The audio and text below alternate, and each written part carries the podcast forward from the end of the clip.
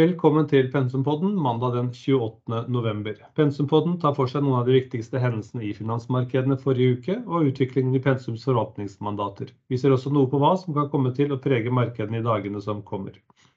Jeg som skal lede denne sendingen er leder for forvaltningsavdelingen i Pensum og heter Kåre Pettersen. Før vi starter sendingen for fullt, må vi starte med disclaimeren. Podkasten er et markedsføringsmateriale fra Pensum Asset Management. Uttalelsen i podkasten er ikke å regne som investeringsrådgivning eller en anbefaling til å investere, og uttalelsen er ikke et tilbud eller en oppfordring til å kjøpe eller selge et finansielt instrument. Vær alltid oppmerksom på at historisk avkastning ikke er en pålitelig indikator for fremtidig utvikling eller avkastning på en investering. Søk råd hos profesjonelle rådgivere omkring juridiske, skattemessige, finansielle eller andre forhold før du foretar en investering. Vi skal om et lite, lite øyeblikk eh, starte gjennomgang av uken som var ved forvalter Bjørn Riise, som skal ta for seg de viktigste hendelsene. Men vi kan bare begynne med å si at eh, for aksjemarkedets del så endte verdensindeksen opp 1,5% sist uke, men det var målt i dollar. Måler vi i norske kroner isteden, så var det en nedgang på 1,4% og det var selvfølgelig da takket være en betydelig styrking av norsk krone også denne uken. Vi ser at dollaren gikk fra rundt 10,18 til 9,88, altså en styrking på rundt 30 øre, som ikke skulle være så langt unna 3 Og styrket seg, kronen styrket seg mot euroen fra 10,52 til 10,27, sånn omkring 2,5% styrking. Og dermed så fikk vi altså nedgang på de globale eh, børsene målt i norske kroner. På Oslo Børs derimot så var det stort sett glede. Det var oppgang på 3,3% Mye takket være at eh, børslokomotivet Equinor bidro sterkt til oppgangen. Men dette kommer vi tilbake til. Ellers så var det jo en, eh, en kort uke som vi kommer inn på, eh, med delvis stengte amerikanske børser mot slutten av uken. Men da gir jeg ordet til eh, Bjørn Riise, som tar oss gjennom uken som eh, var. Vær så god, Bjørn. Takk for det, Kåre. Ja, Da begynner vi en uh, gjennomgang av uken. og Som vanlig så starter vi med USA. Så Som Kåre nevnte, så var det jo en kort uke på Wall Street. Uh, torsdag var thanksgiving og halv dag på fredag. Så det var jo et redusert handelsvolum og mindre likviditet enn det som er det som er vanlig, da, men eh, helt vanlig for thanksgiving. Så mm, sentimentet i markedet var også positivt. Og, og vi så de, de, de, viktigste aksjeindeksene viste en oppgang. og SMP 500 f.eks. var oppe 1,56% Så det kom en del gode selskapsrapporter både i detaljhandel og teknologisektoren. Og I tillegg så vi, eller hørte vi indikasjoner fra Federal Reserve som ble tolket slik at de er nå åpne for å senke tempoet i renteøkningene. Eh, og i, mot slutten av uken, dvs. Si på onsdag, så overvant eh, markedet de bekymringene som, som spredde seg mandagen om de potensielle innvirkningene på verdensøkonomien av en ny runde med koronavirusrelaterte nedstenginger i Kina. Um, når det gjelder Feds uh, uttalelser, så var det en del uformelle uttalelser. Men uh, disse rapportene fra styringsmøtet var egentlig ikke så mye nytt. Men det var en del uttalelser fra medlemmene etter møtet som ble tolket på at Fed snart kan avslutte de store renteøkningene på tre kvart prosentpoeng som har blitt gjennomført etter de siste møtene. Så, og dette referatet fra Feds politiske møte i begynnelsen av november det kom ut på onsdag. Så et vesentlig flertall av deltakerne mente at det ville være passende å nå redusere tempoet i økningene. Så det var også noe som gjorde at markedet ble ganske positivt i i i, i uken.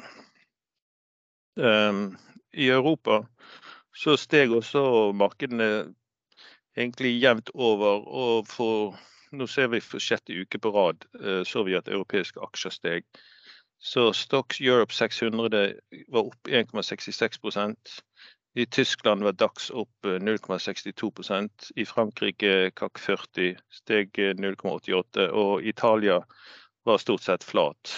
I Storbritannia steg Futsi 100 med 1,16 Uh, og som nevnt, uh, Oslo Børs var opp 3,3 uh, Egentlig en veldig god uke for oljerelaterte aksjer. Men Autostore og REC Silikon var de beste med henholdsvis 11,6 og 8,9 uh, PGS og Frontline var svakest med minus 9,8 og minus 6,5 henholdsvis.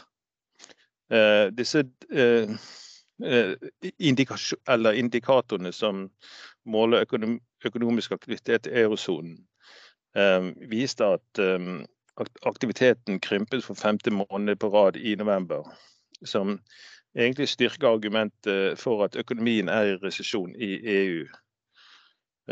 Så eurosonens estimat PMI, som måler privat sektors aktivitet innen tjenester og produksjon, Eh, steg eh, derimot fra 47,8 fra 47,3 i oktober, som var eh, litt bedre enn forventet.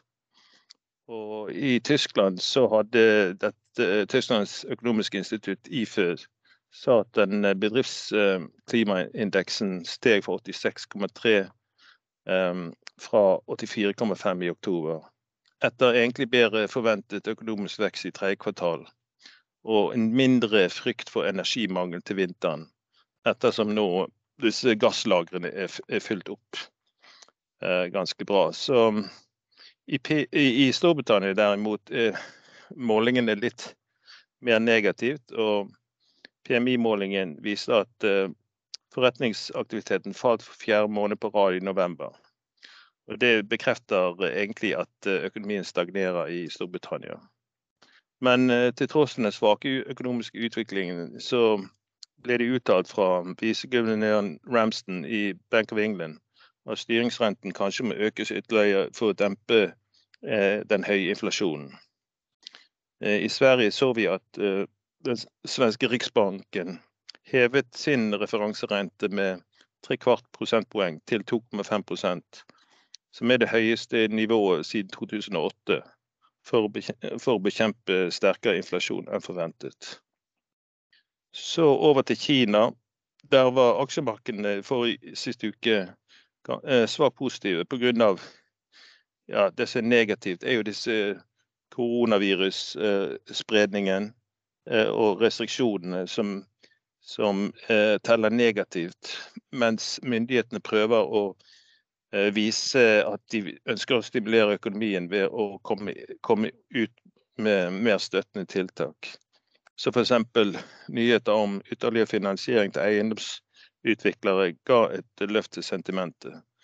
Så Shanghai Composite steg 0,76 eh, og i Hongkong steg eh, Hang Seng med 0,59% Så det som vi har sett i forrige uke og i løpet av helgen, er at flere byer i Kina har innført eh, sterkere restriksjoner på bevegelse og introduserte massetesting etter hvert som daglige koronavirustilfeller uh, har nærmet seg eh, all time high, eller det høyeste noensinne.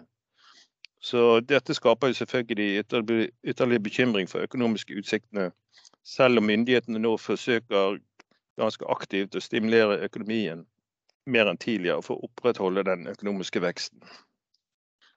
Så noen ord om, om olje. og eh, Brent begynte uken på 87,8 eh, mandagen og endte uken på 85.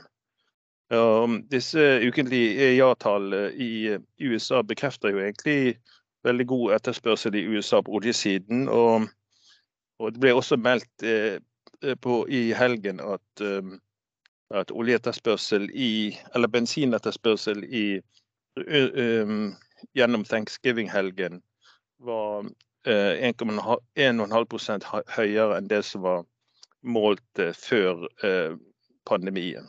Så egentlig en sterk etterspørsel. Men vi så at fra onsdag så kom prisen under press, oljeprisen under press.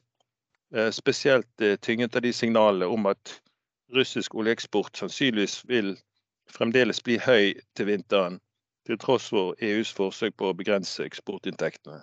Så det er mye uenighet fremdeles i EU der for å innføre eh, begrensninger og pristak.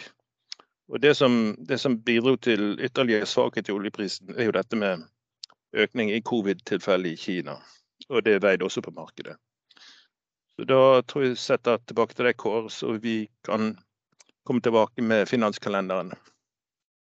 Det skal vi gjøre etter hvert. Du vi går inn på olje helt til slutt. og det er klart at Vi kan vel ikke la være å nevne at på morgenen i dag så har oljeprisen falt ytterligere. og Vi ser jo nå at eh, brentoljen har falt fra nivået du nevnte på rundt 85 og nå til ca. 81,50.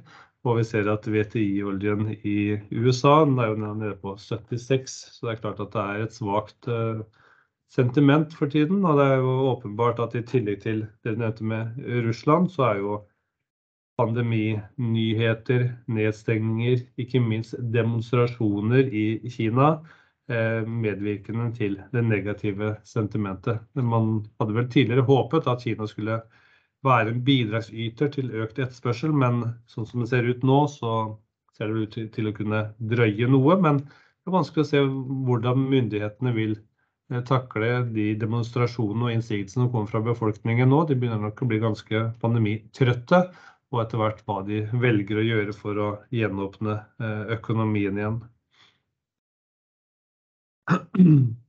Eh, da tenker jeg at vi går over til til tallene for eh, de ulike porteføljene. Ehm, vi, vi nevnte jo ehm, litt i forhold til markedsutviklinga først. Vi sa at Oslo Børs var opp 3,3 og nå er vi opp 1,2 på nyttår, eller siden nyttår. Og for verdensindeksen målt i norske kroner så er vi ned 1,4% og er ned 5,9% siden nyttår kan også bare ta med oss at verdens eh, si, eh, vekstmarkeder falt 3% i norske kroner, og ned 12,2% siden nyttår. Så er det kanskje det de viktigste tallene å ha med seg når vi kommer inn på porteføljene sånn ganske raskt nå. Um, vi kan jo bare starte med fondet vårt, Pensum Global um, Opportunity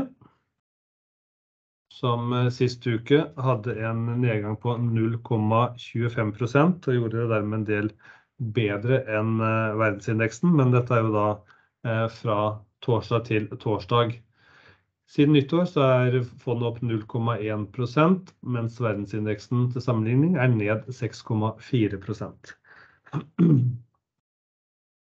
Så går vi over til de ulike mandatene. Vi begynner med utbytteporteføljen som hadde en oppgang på 1,5 Da var det jo Equinor som var den mest positive bidragsyteren. den er jo også veldig stor og tung i, i indeks, så det blir vanskelig å henge med når en så stor aksje gjør det veldig veldig sterkt. Men uh, de som bidro i tillegg, var uh, Vår Energi med 6,8. Equinor steg altså 7. da. Um, og deretter så har du aksjer som MPC Containership, som nå steg 5,4% og hadde en fin uke for andre uke på rad. Etter at den uh, leverte en overbevisende uh, kvartalsrapport. Svakest var AMSC, som falt 6,2 um, Da var det nok et nedsalg etter at aksjen har steget godt i det siste. Men så fikk vi fin oppgang igjen på fredag, så vi får vel tro at nedgangen er over for, uh, for det selskapet. Så har vi selektiv portefølje som steg 2,6% og Her var det også energi som var blant de beste bidragsyterne, med vår energi opp 6,8 eh, I tillegg så hadde vi innenfor forsvarsindustrien så hadde vi Kongsberg Gruppen, som var store der, eh, med 5,3% og vi har hatt litt sånn sektorrotasjoner i markedet siste, med Crayon nå, IT-selskapet, opp 6,1 Ingen så store negative bidragsytere. Vi kan ta med Høg Autoliner, som falt 1,9. Vekstporteføljen opp 0,5% Her har vi ikke så stor vekting i, i energiprodusentene.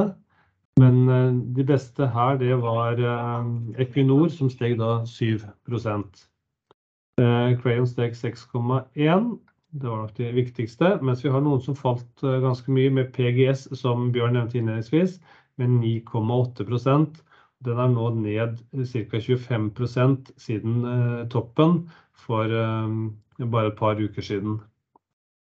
Så kan vi ta med at vi på torsdag var med på en kapitalinnhenting i flyselskapet North Atlantic.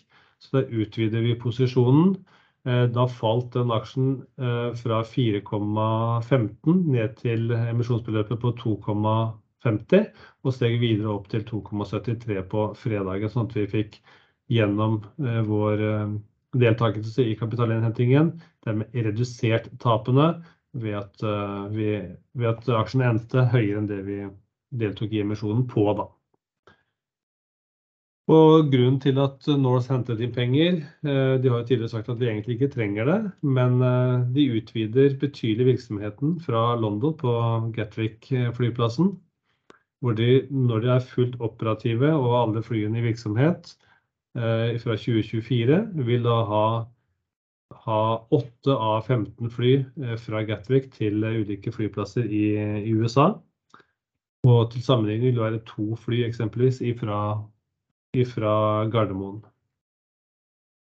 Dette er et gigantisk marked. Man anslår at London markedet er ca. 15 ganger så stort som det norske markedet til USA. Så det er viktig å ta del i det markedet og være en utfordrer der. Vi ser at Norse tilbyr flygninger vesentlig lavere enn de etablerte konkurrentene i markedet, og vil med sitt lavpriskonsept kunne være en veldig spennende og god aktør for Gatwick flyplassen. Vi tror de vil satse hardt på. Hvis Norse lykkes med sin satsing, så forventer analytikerne at de i 2024 vil ha en vesentlig høyere inntjening enn markedsverdien i dag, altså en PE på godt under 1 i 2024 mot dagens markedskurs. Så vi får håpe at de kommer godt gjennom vinteren, og at det kan være full virksomhet når vi starter etter vinteren igjen. For det er lav virksomhet gjennom vinteren, og prøver å holde kostnadene nede. Har også å gjøre med at det er litt svakt marked om dagen for flygninger, men det ser veldig sterkt ut med bookingene for kommende sesong. Så vi gleder oss til å følge flyselskapet fremover. Så er vi over til energi, og da gir jeg ordet til Bjørn, som tar oss gjennom uken som var. Ja, det var jo en ganske bra uke i energimandatet forrige uke, i hvert fall i forhold til referanseindeks, som var ned minus 1,7, og energimandatet var opp 0,6. Og Det var egentlig litt sånn mixed, blant annet som vi nevnte tidligere, PGS hadde et ganske stort fall, og vi så også noen av de aksjene som har gått veldig bra i det siste, både Shelf Drilling og Hafnia, at kursene var litt avmålt forrige uke. Når det gjaldt Hafnia, så var det utbytte og ingen spesielle dårlige nyheter så vidt vi kan se. Men ellers så var det stort sett ganske positivt. Så når det gjelder Equinor, så var jo den veldig sterk med omtrent 7 og, og Vår og den International Petroleum Corp også. Flex LNG gjorde det også veldig bra. Så egentlig ganske bra. Når vi ser hva som har skjedd de siste dagene på oljemarkedet, er jo dette med ikke minst i Kina som påvirker sentimentet som vi har snakket om. Og det Kina er jo egentlig det nest viktigste markedet for oljeetterspørsel. Så det er klart at dette med nedstenging og lavere mobilitet, det truer oljeetterspørsel i Kina. Så det er jo en urolig ting. I tillegg så har vi dette med prisfastsettelse på olje fra Russland, som de ikke er blitt enige om i EU ennå, hvor denne capen på oljepris skal ligge. Men de fremholdt nå i helgen at sanksjonene skal tre i kraft fra 5. desember når det gjelder importforbud av russisk olje inn til EU. Så uavhengig av denne prisdiskusjonen, så, så sier de at uh, det vil faktisk være en, en importforbud fra 5.12. Så vi får se. Det, det, tredje som skjedde, som var også litt interessant i oljemarkedet, var jo at uh, amerikanske myndigheter gav lisens i forbindelse med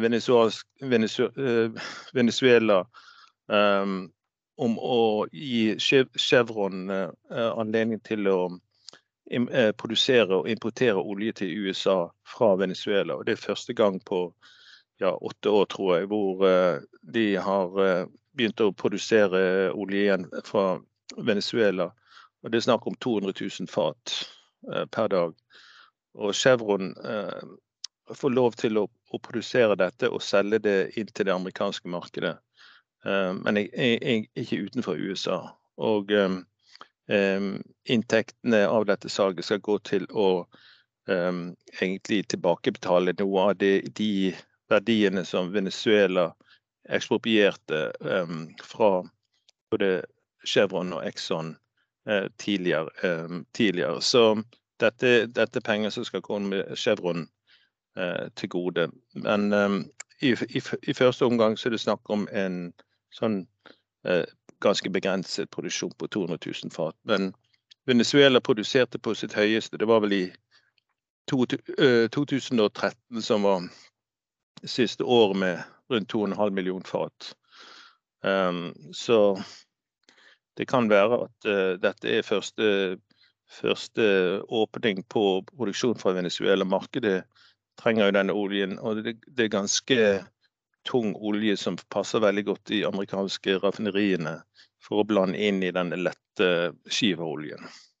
Så det, det, er egentlig en ganske stor nyhet uh, når det gjelder uh, nye kilder for, for, olje, for oljetilbud uh, i, i, i, verden. For Venezuela har enormt store res reserver, men uh, Eh, hele industrien har vært underinvestert de siste si, 15 årene. Så det ligger veldig mye brakk, og veldig mye investeringer skal til for å bygge opp eh, produksjonen igjen. Men dette kan være første, første ledd i, i denne utviklingen. Så det var vel det jeg hadde. Takk skal du ha, Bjørn. Da går vi videre til neste Neste portefølje som er sparebanker, som har en oppgang på 1,7 mens eh, indeksen steg 0,9 og Her var det en fin oppgang i flere selskaper, bl.a. i SR Bank, som steg hele 4,7% DNB steg 2,8 og Midt-Norge steg 1,4 som var gode bidragsytere til den fine uka. Eneste minusen var Sørøst-Norge, som er en ganske liten posisjon i porteføljen, som falt 0,7% Skal vi sjømat opp 0,4 mot indeksen på 2% Her var det Movi som bidro mest med 3,2% oppgang av de store.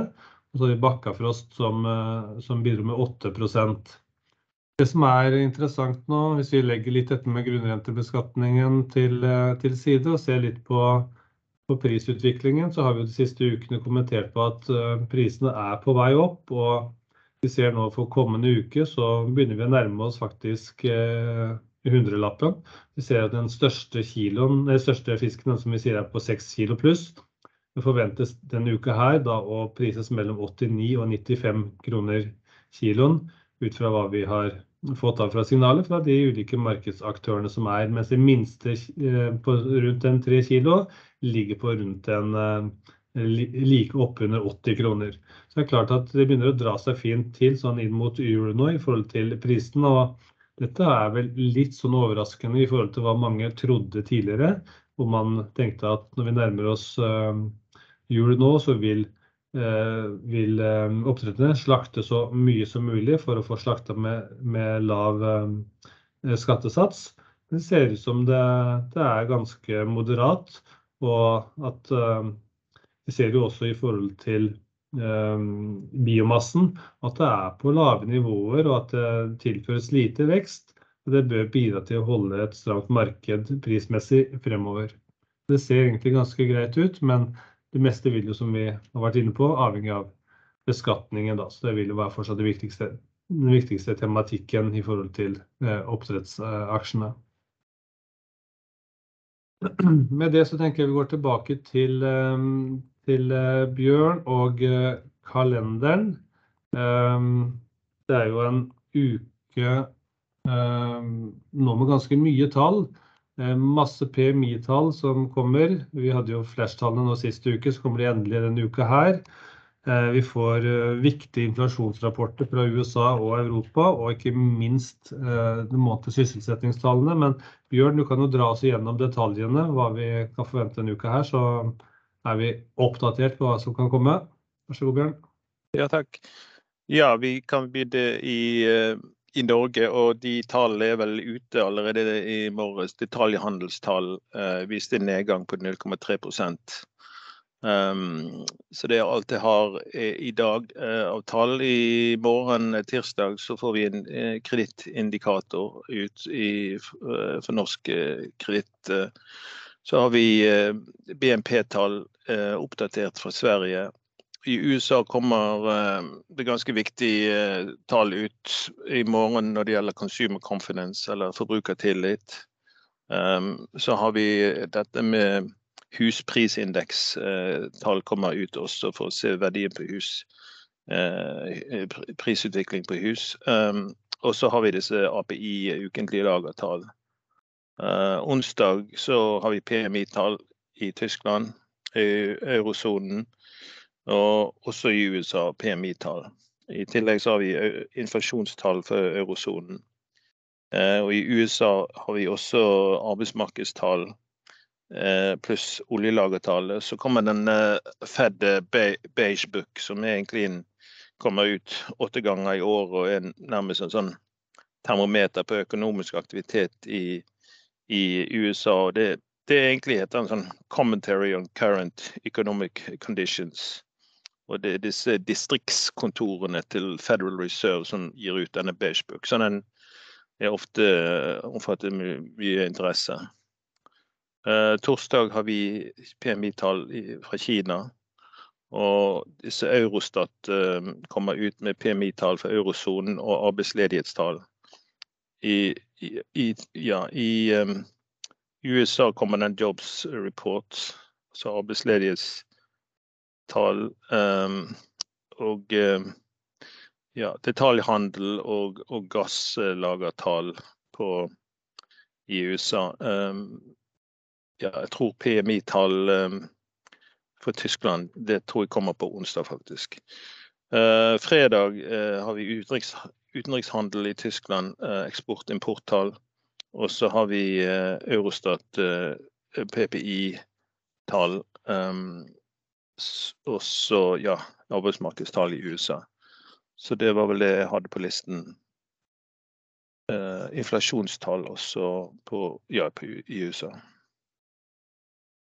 Takk for det. Da har vi vært gjennom både uken som var og hva vi kan forvente oss i uken som kommer.